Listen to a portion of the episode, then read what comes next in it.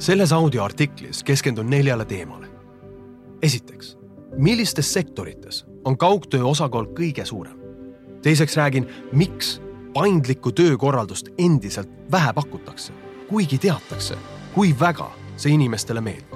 kolmandaks, millised on kaugtööd toetavad lahendused ja neljandaks räägime parimate juhtide parimatest taktikatest kaugtöö puhul. head kuulamist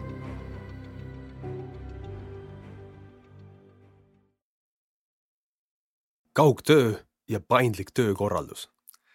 täna soovin sinu jaoks sisse lugeda ühe artikli, mille ma kirjutasin kaugtööst. ma panin selle artikli kokku kaugtööd tegevate inimeste juhtidele mõeldes ja sellest audioartiklist siis nüüd saad sa teada mitu asja. esiteks, mis on eduka kaugtöö põhimõtted, siis räägin sellest, kuidas mõista juhi ja kaugtöötaja omavaheliste suhete olulisust ja kolmandaks, kuidas neid suhteid päriselt paremaks muuta? hakkame pihta e-kirjadele vastamine lapse spordivõistluse ajal. on sulle tuttav? meeskonnaprojektidega tegelemine õhtusöögil restoranis, äkki see? töötundide nihutamine varasemale ajale, et pärastlõunasteks kohtumisteks aega leida. sarnaseid näiteid võiks tuua veel mitmeid, kuna tänapäevased töötajad tahavad küll saavutada tulemusi ja edu, kuid ei soovi selleks enam ilmtingimata kellast kellani kontoris istuda. paljud inimesed ootavad oma tööandjalt paindlikkust tööaja osas, kaugtöö tegemise võimaldamist ja teistsugust töö ja vaba aja tasakaalu kui varem.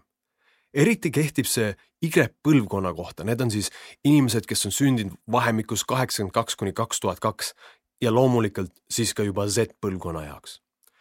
nüüd mida on uuritud, mida räägib kaugtöö uuring näiteks maailma suurimalt uuringute organisatsioonilt Gallup.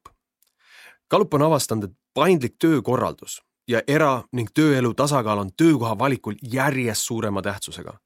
maailma ühe suurima era- ja riigisektori uuringuid läbi viiva organisatsiooni Gallupi analüütikute andmetel väidab viiskümmend üks protsenti tänapäevastest töötajatest, et nad vahetaksid töökohta, kui neile pakutakse praegusest paindlikumat töötamise võimalust. samadel andmetel tegi kahe tuhande kaheteistkümnendal aastal kolmkümmend üheksa protsenti töötajatest teataval määral kaugtööd. aastaks kaks tuhat kuusteist oli see arv kasvanud nelja protsendipunkti võrra neljakümne kolme protsendini ning kasv oli toimunud enamikes sektorites. Covidi ajal ja Covidi järgselt on selle töövormi mõju kogeda saanud nüüd ka kümned tuhanded eestlased ja nende juhid, kes varem sellele teemale isegi ei mõelnud selleks, et välja selgitada, mis on kaugtöö mõju inimese tulemuslikkusele üleüldiselt ja pärast Covid-19 analüüsis Gallup läbi viissada viiskümmend töökohta, kolmkümmend viis erinevat rolli ja tegi seda kahekümnes erinevas valdkonnas. see audioartikkel kirjeldabki peamiselt Gallupi poolt kaugtöö uuringutega tehtud avastusi ja nende poolt leitud ettepanekuid. esiteks, kus on kaugtöö osakaal kasvanud enim? Tuli välja, et kaugtöö osakaal on protsentuaalselt kasvanud kõige enam finants, kindlustus ja kinnisvarasektoris. Nendele järgnevad tootmine ja ehitus ning transport ja jaekaubandus ja siis tuleb teadus, arhitektuur, haridus, koolitus, raamatukogundus ja muu selline. Need on siis nii-öelda trendi teises otsas. see, kas paindlikkus töökohal, sealhulgas kaugtöö on hea või mitte, pole ilmselt enam kellegi jaoks küsimus paindlik töökorraldus aitab värvata ja hoida talente, tugevdada töötajate sidet ettevõttega ja vähendada kulusid. samuti soodustab see töötajate iseseisvust, pannes neid tundma, et nad töötavad koos organisatsiooniga, mitte organisatsiooni heaks. viiskümmend viis protsenti Gallupi poolt intervjueeritud juhtidest mainis, et nad on täna rohkem avatud lubama personalil töötada kaugtöö vormis kui enne Covid-19 levikut seega, miks on paindlik töökorraldus endiselt vähe levinud? kui on selge, et paindlik töökorraldus meeldib inimestele, siis miks seda siiski nii vähe pakutakse? üks põhjus on see, et mitte kõik ametid, sektorid ja töökultuurid ei suuda ühtviisi paindlikud olla. kuid teatud loovuse ja pingutuse korral on see enamikel juhtudel vähemalt mingil määral võimalik ma toongi nüüd välja mõned mõtted, mida iga juht saab oma organisatsiooni puhul kaaluda. esiteks paindlikkus töölaadi ja tüübi osas. kui paljud tööandjad ei saa pakkuda paindlikkust asukoha ja tööaja osas, võiksid nad kaaluda paindlikkuse võimaldamist selles, millist tüüpi tööd tehakse. kui töötaja saab valida näiteks seda, millistes projektides ta osaleb, edendab see innovatsiooni, kohanemisvõimet, suhtlemist ja oskuste mitmekesisust ning tõstab kahtlemata ka motivatsiooni. teine võimalus on töökohtade ja kohustuste vahetamine. kui töötaja saab geograafiliselt teises asukohas töötada, kohtub ta uute kolleegidega ning kogeb uusi rolle ja uue kollektiivi dünaamikat. järgmiseks võiksime mõelda näiteks paindlikust töökultuurist ja keskkonnast. Eduka paindliku töökeskkonna ja kultuuri eelduseks on usaldus ja läbipaistvus. seega peaksid liidrid ja juhid ennetavalt vastavat töökultuuri üles ehitama ja tugevdama. see tähendab mitte ainult pakkuma erinevaid paindlikke võimalusi töö tegemiseks, vaid ka looma keskkonna, kus töötajad tunnevad end neid võimalusi kasutades mugavalt juhid peavad näitama, et nad usuvad ja toetavad organisatsiooni paindlikku töökultuuri ehk näiteks mitte reageerima negatiivselt, kui mõni töötaja iga päev samal kellaajal tööd ei tee. isegi siis, kui organisatsioonid ei suuda pakkuda kaugtööd või paindlikku graafikut, saavad nad töökultuuri vabamaks muuta, julgustades töötajaid lõunasöögi ja puhkeaegu valima või lubama teatud päevadel vabamalt riides käia. teine võimalus paindlikku kultuuri edendada, on avatud planeeringuga kontorid. Avatud keskkonnas on töötajatel võimalik töötada seal, kus nad soovivad, suurendades niimoodi innovatsiooni, loovust ja tootlikkust, olgu töökohaks diivan, koosolekuruum, jooksulindiga töölaud või lihtsalt nurgas olev kotttool. pean aga siinkohal oluliseks mainida, et avatud kontor sobib Susan Keini uuringute järgi ennekõike ekstravertsetele inimestele ja võib hoopis mõjuda pärssivalt introvertidele, keda on vähemalt üks inimene kolmest. ehk kui sa ise oled introvert või su tiimis on palju introverte, siis palun tea, et uuringud näitavad, et avatud kontor tõmbab selliste inimeste produktiivsust alla neil kindlasti peab olema oma vaikne nurgake, kus nad saavad oma asju teha ja, ja nad on kindlasti koosolekute võtmes võimelised inimestega rääkima. ja see on okei okay,, aga lihtsalt oma niisuguse põhitöö tegemiseks on vaja oma, oma ruume, kus teised ei sibli ja ei seleta. nüüd töökohtadel, mis eeldavad klientidega suhtlemist, näiteks klienditeenindajad, on paindlikkuse leidmine kaugtöö puhul või ilma kõige raskem. siiski on ka teenindussektoris selle pakkumine võimalik ja isegi hädavajalik, kui mõtleme sektori järjest suureneva tööjõupuuduse või nende ametikohtade vähese atraktiivsuse peale. näiteks lõi üks teenindussektoris tegutsev ettevõte digitaalse keskkonna, kus töötajad saavad hõlpsasti vahetusi koordineerida ja paluda vajadusel kellelgi end asendada. vahetuste vahetamine ei ole midagi uut kuid tarkvara ja sotsiaalsete platvormide kasutuselevõtt, mis muutis vahetuse muutmise lihtsamaks, aitas ettevõttel luua kultuuri, kus tööaegade vahetamist ei tajutud. teine ettevõte pakub töötajatele punkte, hüvesid või täiendavaid vabu päevi kolleegide vahetuste ülevõtmise eest. Nüüd edumeelsed organisatsioonid saavad aru, et paindlikkus on rohkem kui lihtsalt töötaja hüve see on ettevõtte tulemuslikkuse võimas parandaja ja asi, mida noorema põlvkonna töötajad elementaarseks peavad.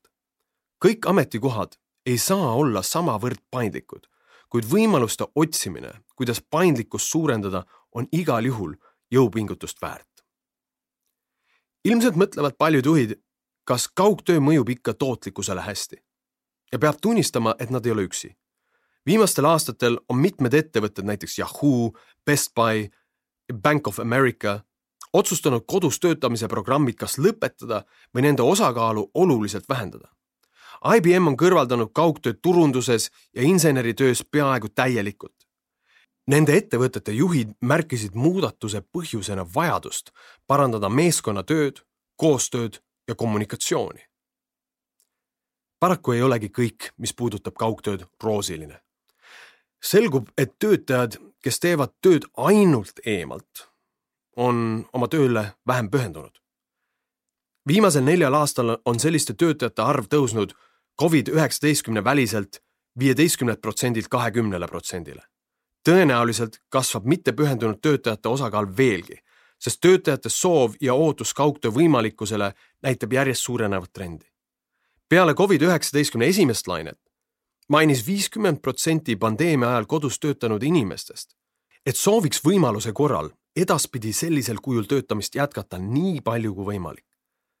kahtlemata peavad juhid arvestama töökoha nõudmistega ja sellega, kuidas kaugelt töötamine võib mõjutada ärieesmärke.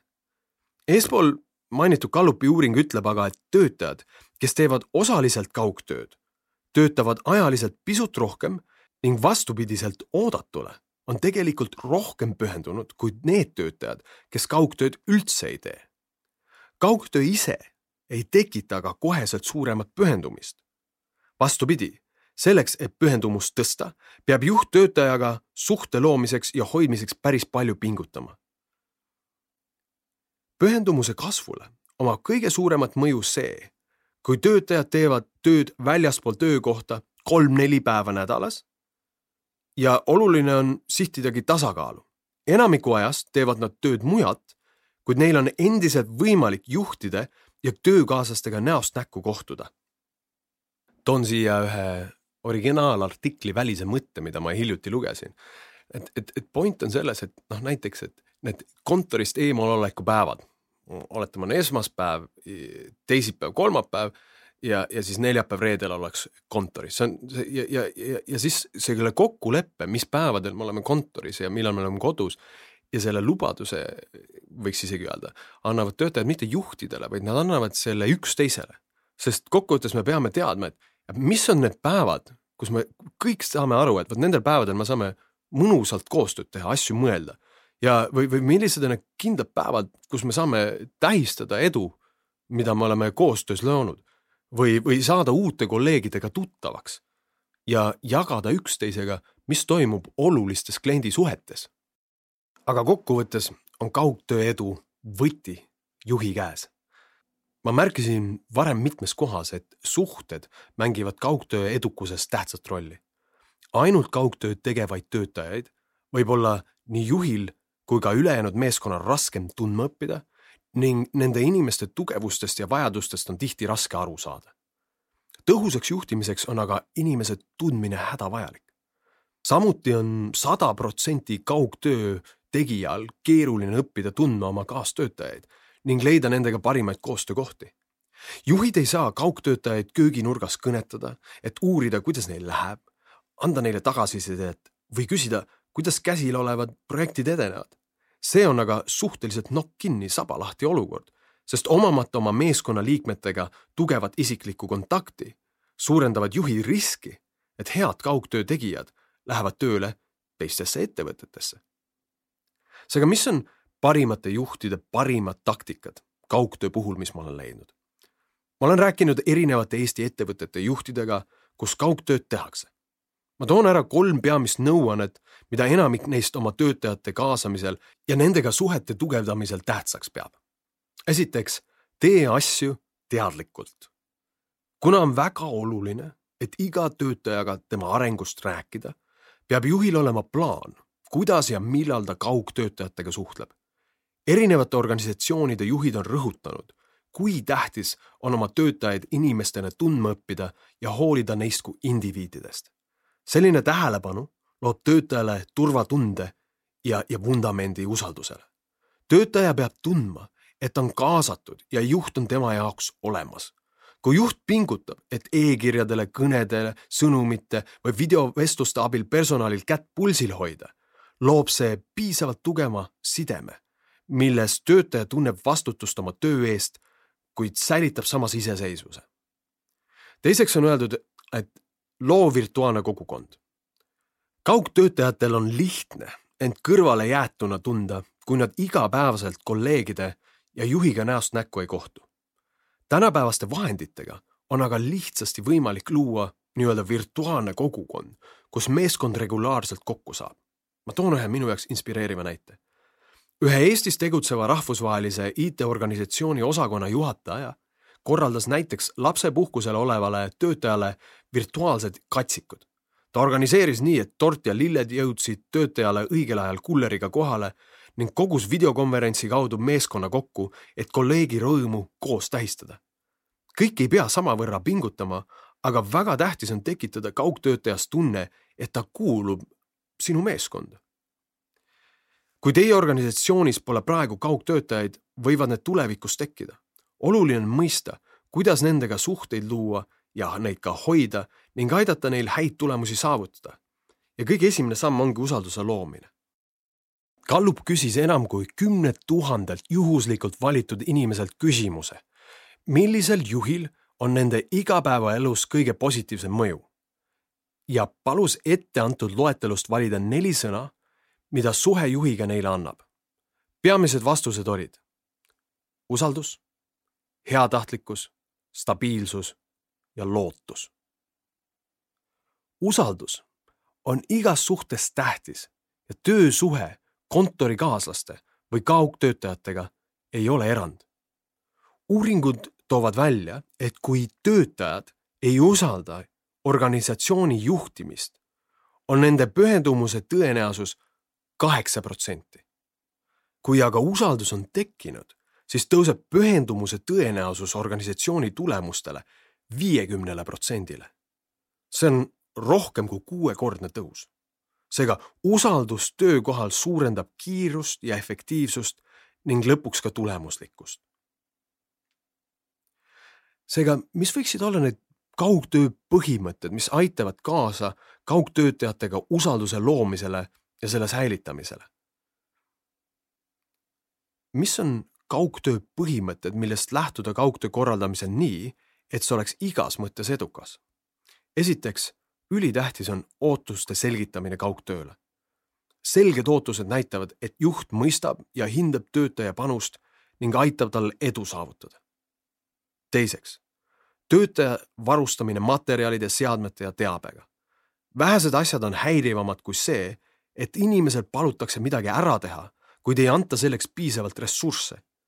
Õige info omamine on kaugelt töötajale eriti olulise tähtsusega. korralda regulaarseid meeskonna kohtumisi ning hoolitse selle eest, et kaugtöötaja oleks kolleegidega ühenduses. vastasel korral kaob seotuse ja kuuluvustunne samuti veendu, et kaugtööd tegeval inimesel oleks tegelikkuses oma töö keskendunult tegemiseks vajalik keskkond. oma vanemate, laste või naabritega klaarimine töö ajal ei ole kindlasti produktiivsust soosiv. Järgmiseks, sagedane arutelu töötajaga tema võimete ja oskuste teemal on samuti tähtis. aruta oma kaugtöötajatega, kuidas nad saavad oma võimeid kõige paremini rakendada ning anna neile pidevat tagasisidet võta teemaks nende oskused ja üldine tulemuslikkus ning võimalused, mis aitaksid neil õppida ja areneda. näita, et sa hoolid. üks kaugtöötaja, keda tean, noh, nimetan teda täna Tõnuks, ütleb, et mõnikord saadab juht talle ilma põhjuseta kontoritarbeid. vahel on see mõni tema tööga seotud raamat, teinekord pakk pastakaid või mis iganes. iga pakiga on kaasas kiri, mis selgitab, kuidas paki sisu on seotud Tõnu võimete ja tööga, näiteks juht kirjutas. mõtlesin, et sinu suurepäraste kommunikatsioonieoskustega võib sul uusi kõrvaklappe vaja minna. või ma tean, kui palju sa uue piirkondliku raportiga vaeva näed, saadan sulle lisaenergia saamiseks kohvikapsleid. Tõnu jaoks on oluline, et juht tema ees seisab, kuid selliseid isiklikke kirju hindab ta veelgi enam. Nende kaudu näitab juht, et ta soovib Tõnu tugevaid külgi võimalikult hästi ära kasutada ning edasi arendada ta ütles mulle, et kui sul on juht, kes aitab sul olla nii hea, kui vähegi suudad, siis tahad sa veelgi rohkem panustada. seega siin on väike spikker kaugtöötaja otsesele juhile. sa ei saa sundida inimesi ennast usaldama. näita hoopis, et sind saab usaldada. selleks on viis soovitust.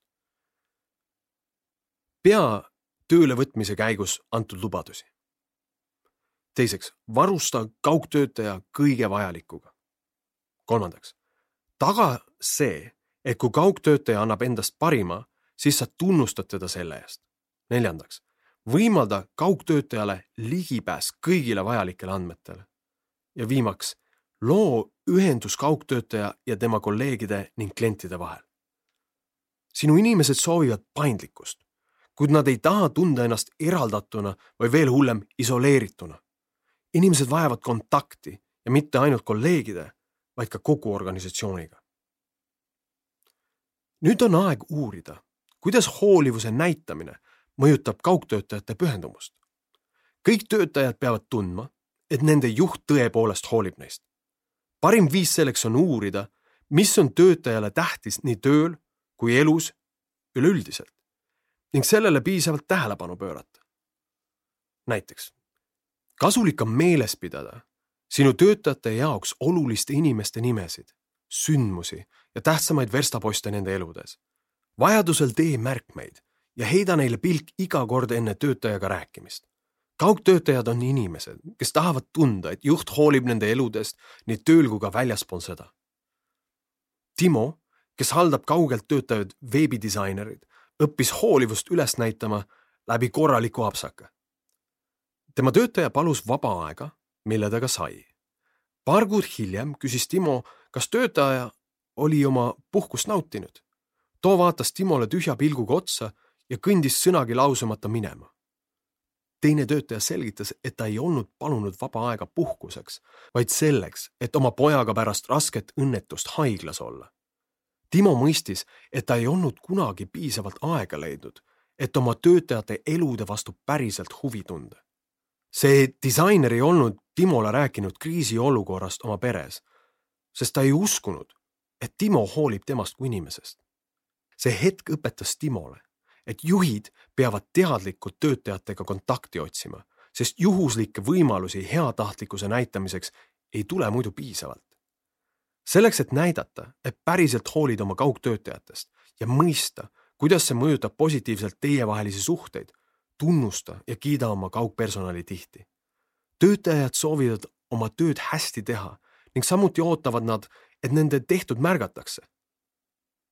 kasvõi lihtsad tänusõnad, sõnumid ja meilid on siinkohal ülimalt olulised.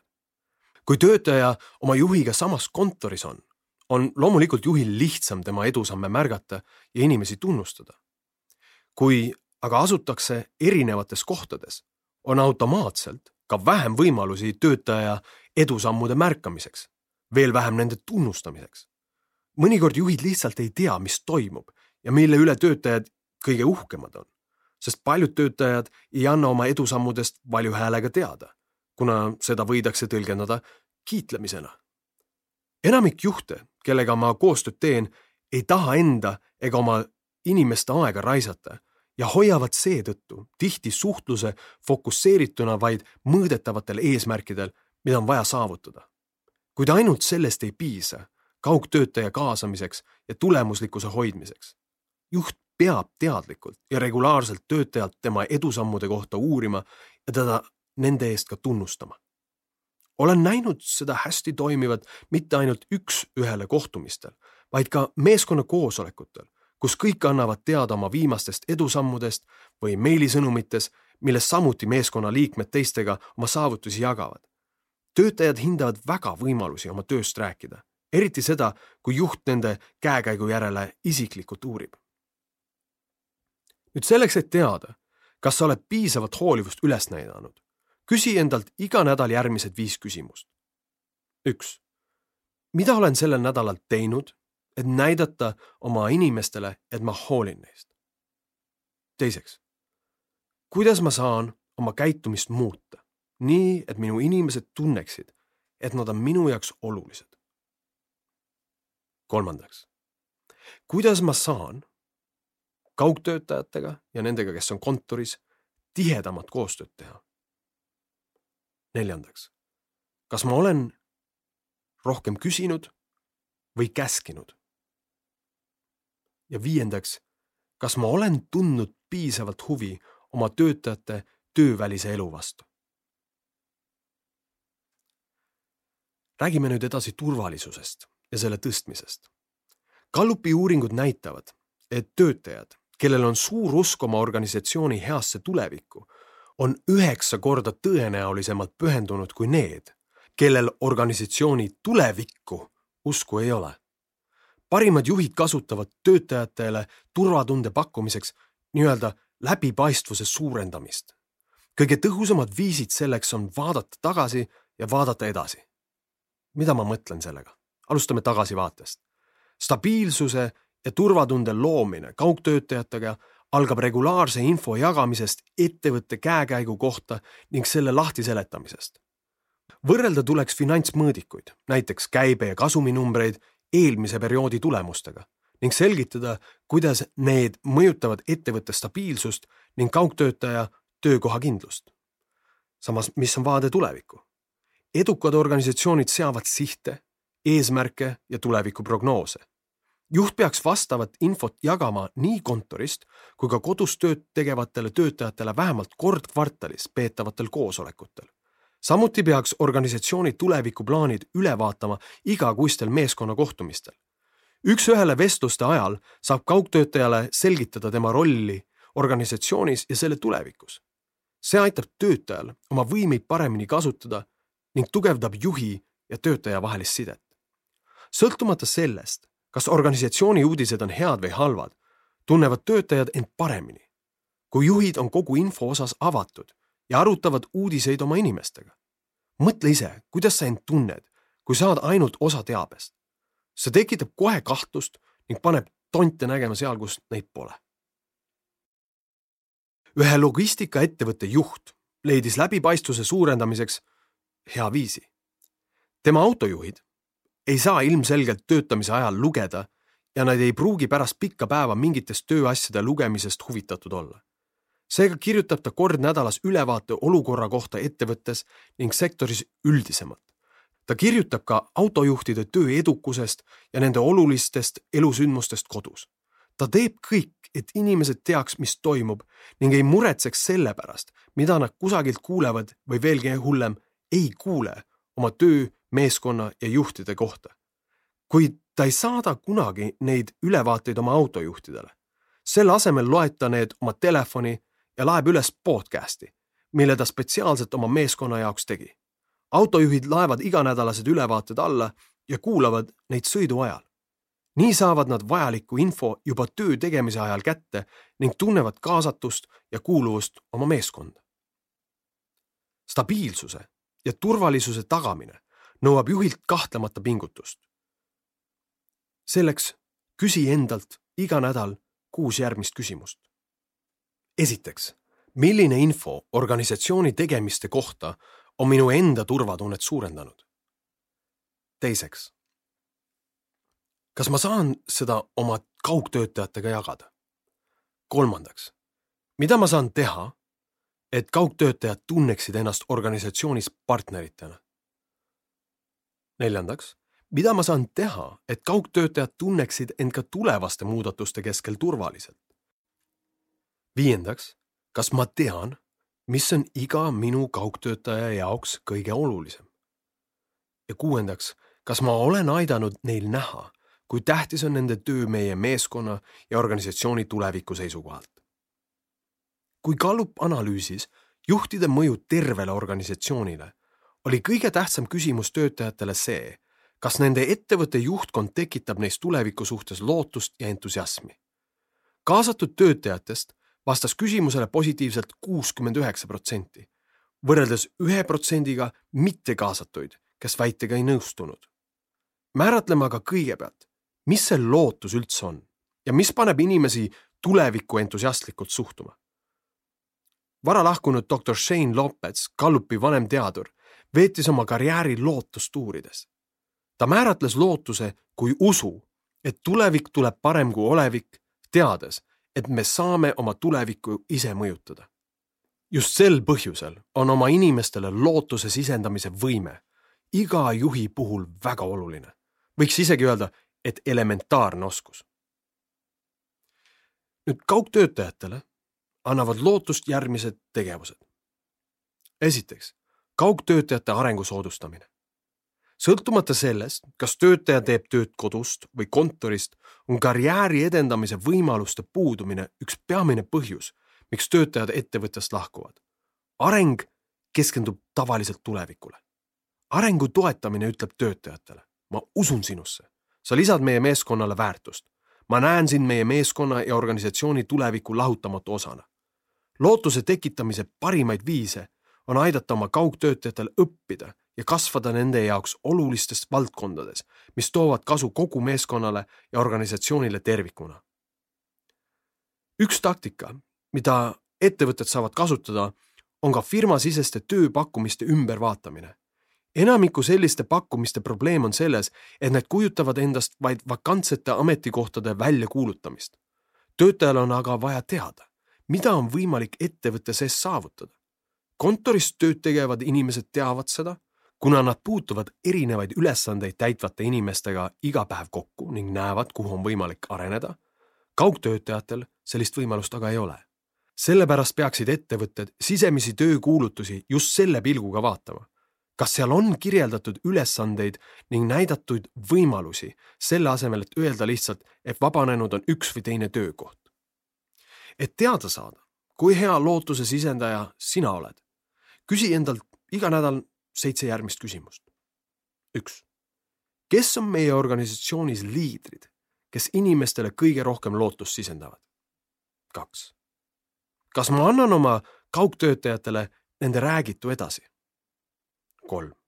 mida ma sel nädalal kuulsin, mis andis mulle endale lootust? neli. kas ma olen seda oma kaugtöötajatega jaganud?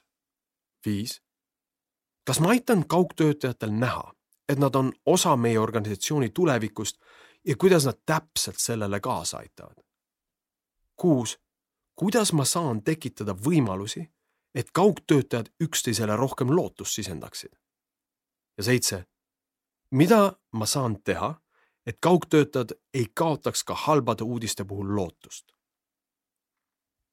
kui juht ei anna edasi lootust ega väljavaateid heale tulevikule, siis ei tee seda ka keegi teine. kui organisatsiooni eesmärk on kõikide töötajate kõrgem tootlikkus, siis tuleb inimesi juhtida nii, et nad teaksid, milline on tulevik ja et te jõuate sinna koos. kui sa oled selle audioartikli kuulamisega siiani jõudnud, oled ilmselt märganud läbivat teemat. kõige tõhusamatel juhi ja kaugtöötaja vahelistel suhetel on emotsionaalne komponent. usalduse suurendamine, hoolivuse näitamine, stabiilsuse tagamine ja lootuse andmine ei ole ratsionaalsed, tehingutega seotud tegevused, nagu näiteks tööaruannete kontrollimine Need on inimsuhteid tugevdavad tegevused. Need on isiklikud ja need on hädavajalikud. töötajate pühendumine sõltub suhete tugevusest. kui inimesed tunnevad emotsionaalset sidet oma ülemuse ja organisatsiooniga, siis teevad nad ka paremat tööd. Nad on produktiivsemad, nad pakuvad heal meelel välja oma ideid, nad on valmis enam oma kolleege abistama ja nad aitavad iga päev oma organisatsioonil edukamaks saada ma loodan siiralt, et selle audioartikli kuulamine oli sinu jaoks väärtuslik aeg. ja kui see nii oli, siis kutsun sind ka kuulama minu täispikka audioraamatut Ratsionaalne emotsionaalsus, tugevad tulemused pehmetest tegudest, mille info ja lingi leiad minu kodulehelt alarojastu.com.